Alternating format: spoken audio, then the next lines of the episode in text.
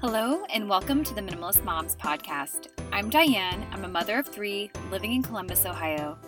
I'm trying to make room in my life for what matters by getting rid of the clutter and living life with purpose.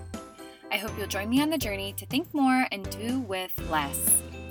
Today, I bring you a new episode in the series called Minimalist Mom Spotlight the series focuses on real minimalist moms, and as I say, it's odd to refer to the series in that way, but I really wanted to encourage the everyday mom that you don't have to go to extremes or have a giant platform in order to influence minimalism to those around you. So today, I bring you my conversation with minimalist mama Susanna Heiskanen. Originally from Finland, Susanna is now living in Australia with her husband and two children. Not only did she discuss her journey of minimalism, but she also goes into Scandinavian parenting and living a hygge lifestyle. So I really hope to inspire you in your own minimalist pursuits with these episodes, and I just hope that you find encouragement in their stories. But before we get to the interview, I wanted to share my minimalist moment and resource of the week. So, I had my daughter clean out her closet, and it happened quite organically. It was quiet time, and she had asked for all of the games from her closet to just come down. She wanted to see what there was up there to play with. So I asked her if she still played with the majority of the games she had up there, and she said she wasn't sure and she would go through them.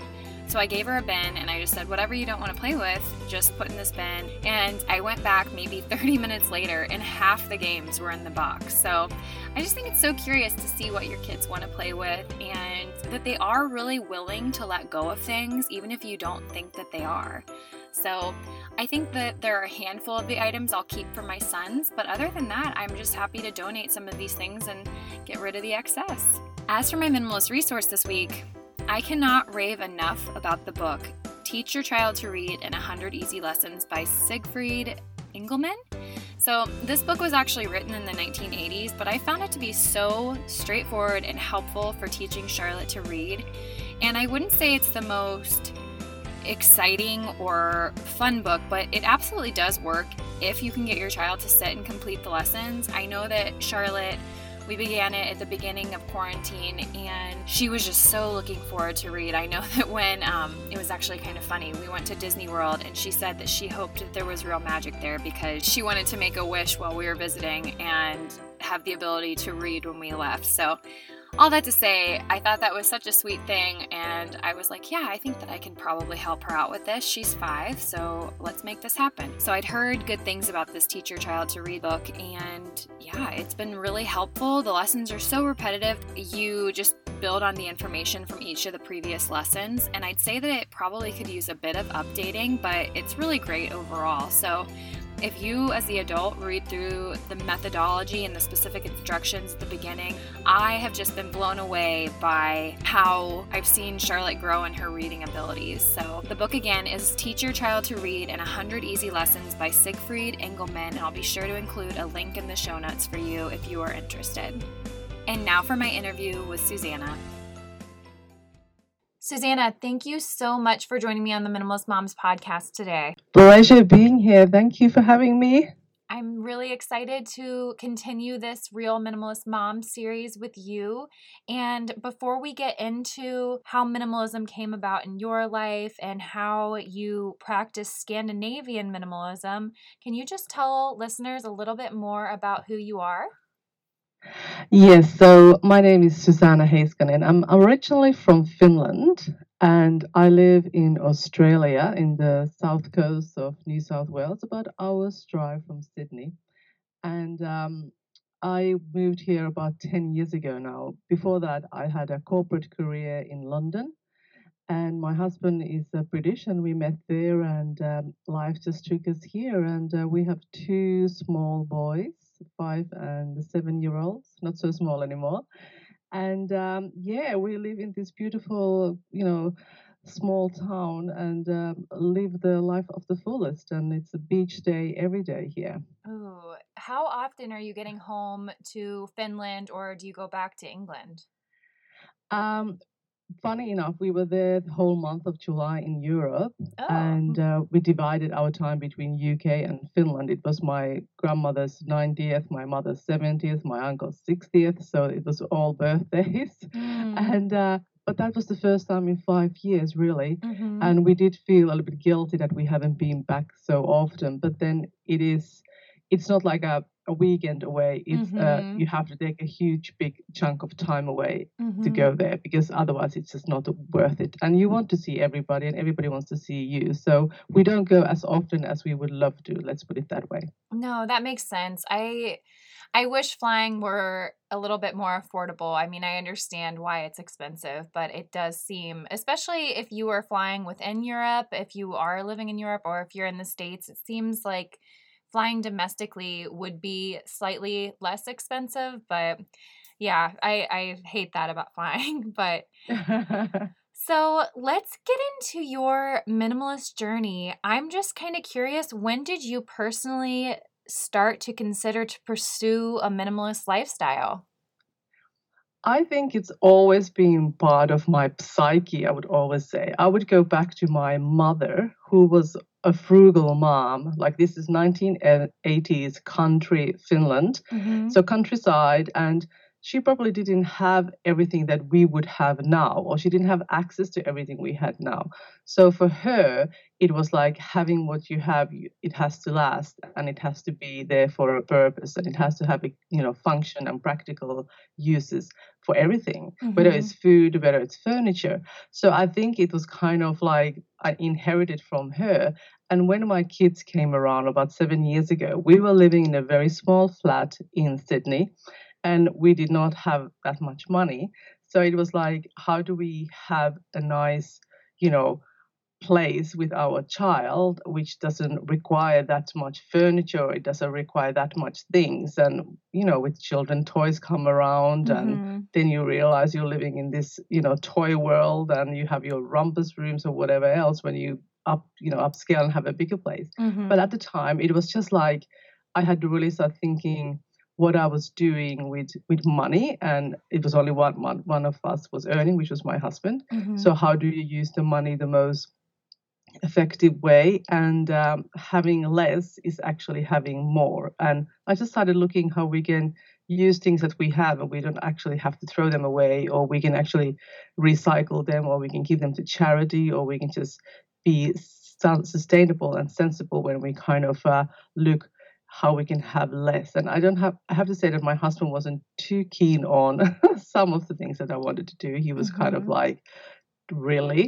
and asking questions for me that do we really need to start reusing plastic bags? Because he's in a generation where it's all right to throw it away. And i was like no you have to reuse it. You know like it's you know it's Mhm. it's our responsibility to reuse the plastic bag hmm That that was actually my next question for you is whether or not your husband seemed to be on board with minimalism when you first began to pursue it.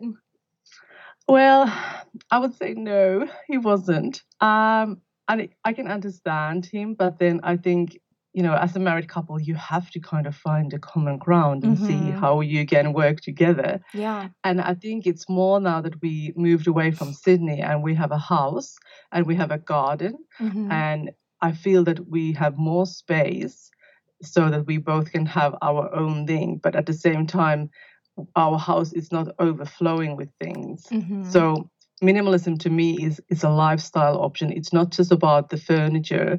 It's about having less of things to worry about and be busy about and get stressed about and just having more a good quality of life. Do you feel like your kids have kind of adapted this into their lifestyle as well, or are they still a little bit hesitant? I would say that they never really had a choice. Yeah. because they, they were born and it's like, okay, it started when they were born. So they've never really known anything different.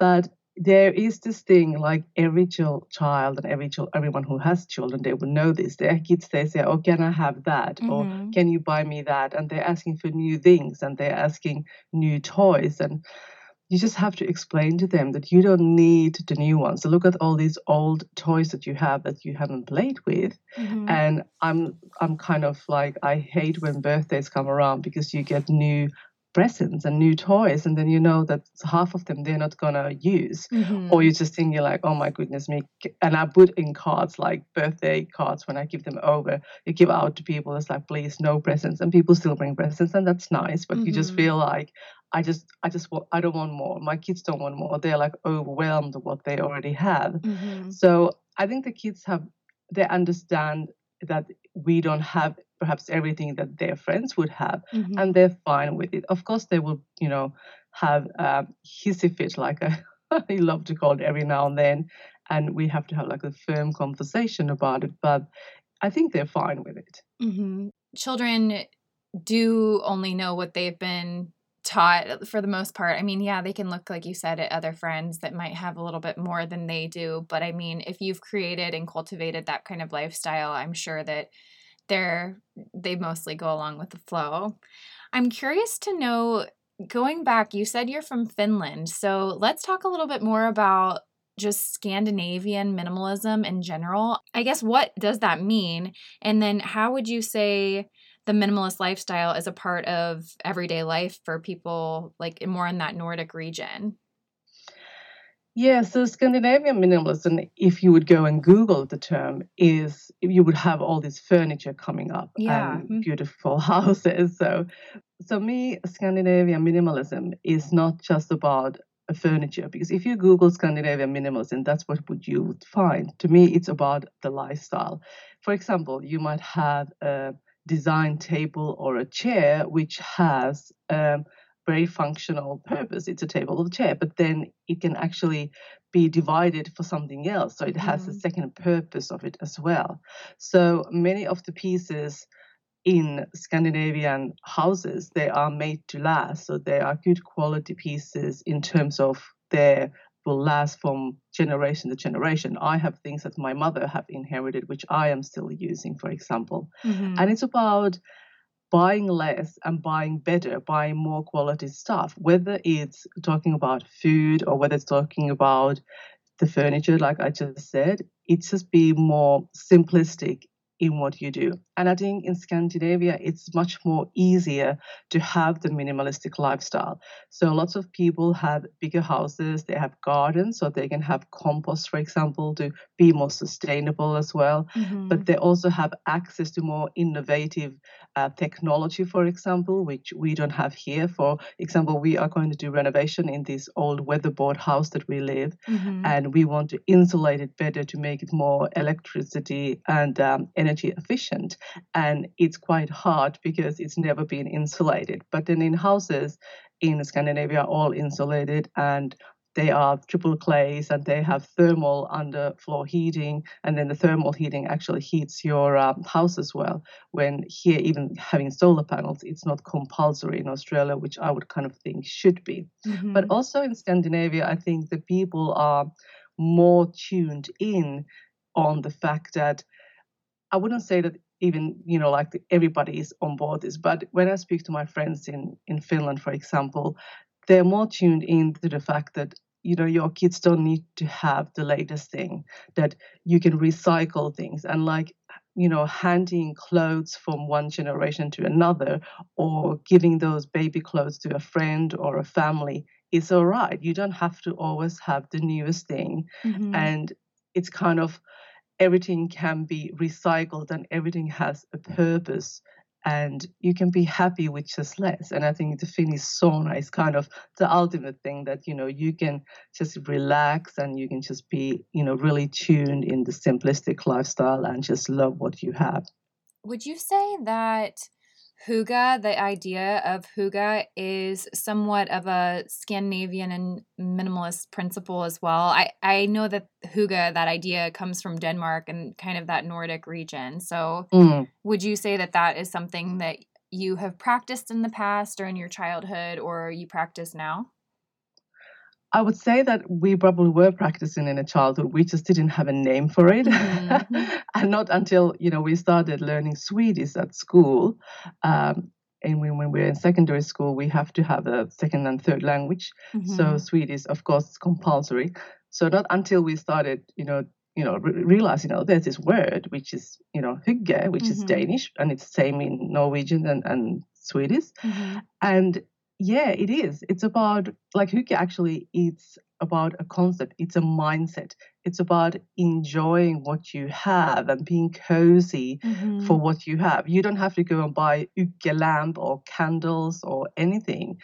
it's just about making making kind of that moment that you have you might have a dinner party with your friends or with your family and you just really have comfortable setting and you really enjoy that moment and mm-hmm. that just you get just there yeah no that's great i i did wonder if that was something that was more of a modern term that was used by people so i was curious to see if that was something that you'd heard in your childhood just because it's so yeah. trendy nowadays I know, I know. And it was, you know, like the word has been there, you know, longer, but it's only now that when people have started looking at like Meik Wiking and his book Hygge, mm-hmm. and everybody else is writing about Hygge, and there's podcasts about Hygge, and it's kind of like out there so people are more aware of it mm-hmm. so that's why probably people are like okay so what does it actually mean but it's actually a mindset mm-hmm. but you mm-hmm. can apply it for a lot of things not just as you know having a hot drink and you know snuggling in a sofa and reading a book kind of a moment it can be just you know like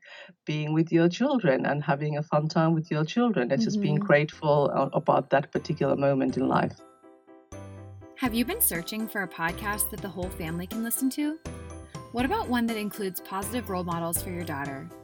Only 19% of children's books showcase women with jobs or career ambition, and by the age of six, many girls already believe that they are less smart than boys. If you're looking for a podcast full of encouragement told from a women first perspective, I have just the one for you Goodnight Stories for Rebel Girls podcast. This award winning podcast has been named Best Family and Kids Podcast by the Webby Awards that's like the Oscars for the internet. And the Best Educational Podcast by the New York Radio Awards and rated the top educational podcast by iTunes. Goodnight Stories for Rebel Girls podcast offers parents and teachers a free resource to inspire, educate, and instill confidence in girls. The podcast draws from the library of stories in the Goodnight Stories for Rebel Girls book series and highlights one exceptional woman in each 20 minute episode. They are perfect before bedtime or on the way to school. The podcast introduces girls to modern icons as well as key her story figures like Frida Kahlo with engaging narration by equally impressive women. Give the Rebel Girl in your life the confidence to dream bigger and find Goodnight Stories for Rebel Girls award winning educational podcast on your favorite player. And now back to my conversation with Susanna. I'm curious, just again, along the lines with some of the Scandinavian minimalism, how does that influence parenting? That's a very good question. I think Scandinavian parents are more about letting children to be children as long as possible mm-hmm. and allowing them to explore the world around them on their own terms. Mm-hmm. So school is started later age in Scandinavian countries, uh, around 7 mm-hmm. and you are not expected your children to know to learn like have numbers and letters and know how to write their name anything of that when you start school. So i think the parents are very much kind of i would always say hands off approach. Because when i went to finland with my um, family and we've lived in australia and although i'm finnish but of course you mirror what people around you do. So i i realized that we are more trying to bubble wrap our children and we are more aware where they are at every single point time in day we want to know where they are what they're doing who are they with mm-hmm. when in finland uh, it was more about well you know it, you need a village to grow your children and you know your neighbors will help and you know the kids can just roam around outside for free and you don't have to be so concerned it's it's more about having this community around you as well that supports you. And of course, the infrastructure and everything in Scandinavian countries is much better. The maternal um, healthcare and maternal support mm-hmm. that you get through the social services and through hospitals and with like the baby box that you get when the baby is born. Mm-hmm. So it's very much that the community supports you, society supports you as a parent, but the parents are more like let's children to be children as long as possible let them you know make their mistakes and learn from things on their own terms rather than being that overprotective parent which i kind of was shock horror found myself have become because I live where I live. So mm-hmm. I have to kind of take the foot off the, off the brake a little bit and let my kids kind of be more independent. And we live in a very beautiful place and it's very i would say very my finnish friend came to visit us and said this is very finnish susanna you know the neighborhood it looks very finnish and mm-hmm. people know each other so it is safe environment so you could give more freedom to your children but i think and me as a parent i need to accept that first that you know my kids are growing up and i need to give them more more time to be themselves rather than me all the time being hovering on them like a you know like a tiger mom and making mm-hmm. sure that they're all right I think that especially in America, we're trying to keep up with other countries in regards to education. And this is just a whole other topic and rabbit hole we could dive deep into. But I what I've read in Scandinavian parenting books would be that slower parenting. They don't need to learn how to read in kindergarten. They don't need to learn mathematics. Mm. They need to be using their bodies, learning coordination, learning creativity that will help all these other skills build and just again, it's it's a longer discussion than we have time for but i do i do very much agree with that concept and it's hard because you want to make these changes but on a societal level it just seems like how are we ever going to change and adapt as a society? So that was just something that made me think of when you were mentioning that and then the other thing is I do wonder in regards to maybe a more free range parenting approach, allowing your kiddos to still kind of wander the neighborhood. What I have read is that it is safer nowadays than it was in the past because of cameras, of cell phones, that the crime rates, we just feel as though there's more going on because we have news 24 7, but really crime has either decreased or stayed about the same. Yeah, I mean, you're so right there. Like nowadays, because of the digital world we live, everything is mo- you can monitor a lots of things that you couldn't, you know, when I was growing up. And um, I think we, as the parents, we have the stranger danger kind of mm-hmm. a mentality, and we impose that on our children. We don't allow them to go and explore the world and make those mistakes, and you know, sometimes they even get hurt. But and I don't mean it hurt in a bad way, but they just have to push their boundaries themselves.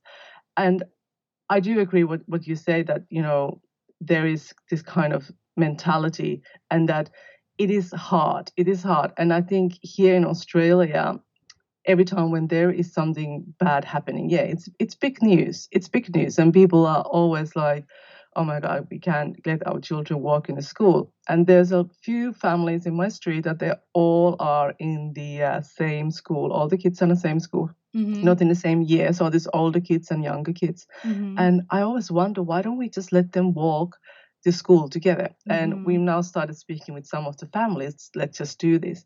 And my son is seven year old and the younger one is five. So maybe the five year olds I would actually walk with them to school. But just, mm-hmm. you know, like the small things, like in Finland, kids take the bus to school when they're 7 And mm-hmm. that's even longer journeys. They might even take the train and a bus to get to where they're going. So it's kind of like I think we have seen the worst of the worst. So we don't want that to happen to our children, and we come so overprotective that we don't allow them those little you know points of freedom, mm-hmm. and it's hard for us to then let go and allow them to do things like walk into school and from back from school and we're just in the process maybe next term starting that with my son and another family and their son to let them walk to school and maybe we just walk behind them or we meet them in a certain point mm-hmm. and then mm-hmm. walk home for the rest for the start with but just those little things it's very important that we do them because that will you know give these kids independence and they know that they can survive in mm-hmm. life in when they go further on and when they're older they realize that it is not so difficult to do things that we perhaps were protecting them from yeah, and here in the States prior to college, if they're only really getting their uh, first taste of freedom right before that college experience, it seems like they might go wild just because they haven't had that taste mm. of independence and they won't know how to navigate that. So I am a big believer, I've said this before, on having the reins really tight when they're little and as they show that they're capable and they earn that trust to like slowly let go of the reins so that they can take over. Like I think that's our job as parents to slowly hand over those reins as they're showing that they're capable. And the only way they can continue to grow our trust is if we give them opportunity to do so. So it's it's yeah, I agree with you. And can and can you imagine if we would be in a society where we have never given the freedom to our children what kind of leaders are our children going mm-hmm. to be mm-hmm. you know 10 20 years from here if they're never given the freedom of do those things that you and i are just talking like you know we mm-hmm. are not going to be in a good place as yeah. a society no i completely 100% agree well i could talk about that forever but i am curious to know i have been asking the other moms this that i've interviewed for the real minimalist mom segment what would you say is your proudest moment when it has come to minimalism? My proudest moment is probably when we were going through the rumpus room, the threaded rumpus room with my kids, mm-hmm. and um, they found all these toys that they have never, well, they've had them, but they've never you know played with them mm-hmm. but we went through them like okay this is going to be giving to charity pile and this is the pile that is broken and we need to see how we can recycle or put them in a you know in sustainable way way mm-hmm. these are something that you can you know fix and this is the pile that you can actually uh, play with mm-hmm. and um, the pile of putting to charity and recycling was bigger than the pile of what they actually wanted to keep. Mm-hmm. And it's like when you go for a holiday and you say you can take one book and one toy with you. Mm-hmm. And it was kind of the same principle. Well, you can only have a handful of things because mm-hmm. you're not going to need them all. And in my proudest moment was when my, my, my child, my oldest one, was looking at the big pile of, you know, going to charity and saying, like, we don't need all these toys. And then I said, You're right. And then he said that I think there's a lot of kids who would love to have my toys hmm. and I'm actually happy to give them away. So for me, that fact that he was he had this insight of thinking, yes, I can give these away and I, I know someone else will love them and will actually have use for them. Oh, that's really sweet. That's really encouraging that you have really set that that foundation for him. So that's great to hear. My last question for you before we start to wrap things up a bit is that it's our minimalist confession time. So I'm curious to know what is yours. So, what is an area that you just can't seem to minimize? Okay, my confession would be skin products. Like, I just love organic, natural skin products. And there's this particular brand from Finland called Lumene, which you actually can get in the States. And I'm going to be jealous with you guys. it's available in the US as well. So, Lumene com. Anyway, so they are my my my sin. Like I have cupboard full of them, and I don't even use them all, but I just seem to be not able to let go of them. And my other thing is my clothing. Like before having children, I was in a corporate world and traveled mm. the world, and I bought a lots of things. Some of them still have tags on, and. Uh, this week, when my children have been at school, I've been going through a closet time after closet and going through everything and try to get rid of those. And there's the things that I can actually sell in uh, Facebook Marketplace or somewhere or eBay and just get rid of them. But the, those two things are actually it really bothers me that I confess this, but but those are the two things. If I could, those would be gone. But mm. yeah, I think mm. I still have to work on that skincare part. I'm, I'm okay. I'm, I'm kind of starting on the clothing part, but the skincare is still, still kind of, uh, you know, getting there we all have our area that is hard to minimize and i have slowly i just feel like with skincare it's something that you can really invest in and you're constantly trying to figure out what the right formula is so it's hard to stay minimal in that area.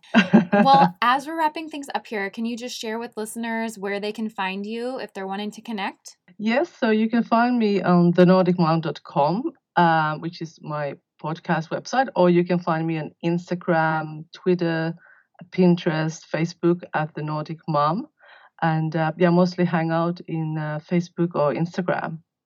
Great. Well, the last two questions that I ask every guest is what is something, sorry, I didn't prep you for these ones, but what is something that you're simplifying right now? AKA, what is your minimalist moment of the week? I would say that it's the where I'm actually making this um, recording in my uh, downstairs office. So my desk had been a little bit of a mess. So that's something that I've been going through papers and papers and you know try to recycle or put them away or scan them in and get rid of them. So that's that's something that I've been doing. Great. And then what is something that you can't stop talking about? And this can be in regards to minimalism or just something that you're excited about. Um, I would say the the education, kids' education is one of those. I always get riled up and just I could just have a podcast about it on its own. But mm. just the Finnish education and how much better it is, and how other countries can just have little things that they could learn from, like having more recess time for children when they have very long days, and that wasn't doesn't cost any money for schools to implement. So things like that will just are really passionate and I really get going on those really fast. Yeah, we like I said, we could have talked about that for much longer. we do not have that kind of time today, but I'm passionate about that as well. It just seems that there are so many changes that could be made that would be more beneficial, but then there's like political hoops you have to jump through and it's like ah, it's it's just yeah, there's a lot going on there, but yeah, for another day. Another day. Well, Susanna, thank you so much for coming on the Minimalist Moms podcast. I really appreciate you being here and sharing with us just your journey into minimalism and a little bit about Scandinavian parenting and minimalism. And I just appreciate your time today. Pleasure. It feels absolute pleasure having to speak with you. And uh, yeah, good luck with everything. What did you all think of this Minimalist Mom Spotlight interview? I hope that you found some inspiration in Susanna's story.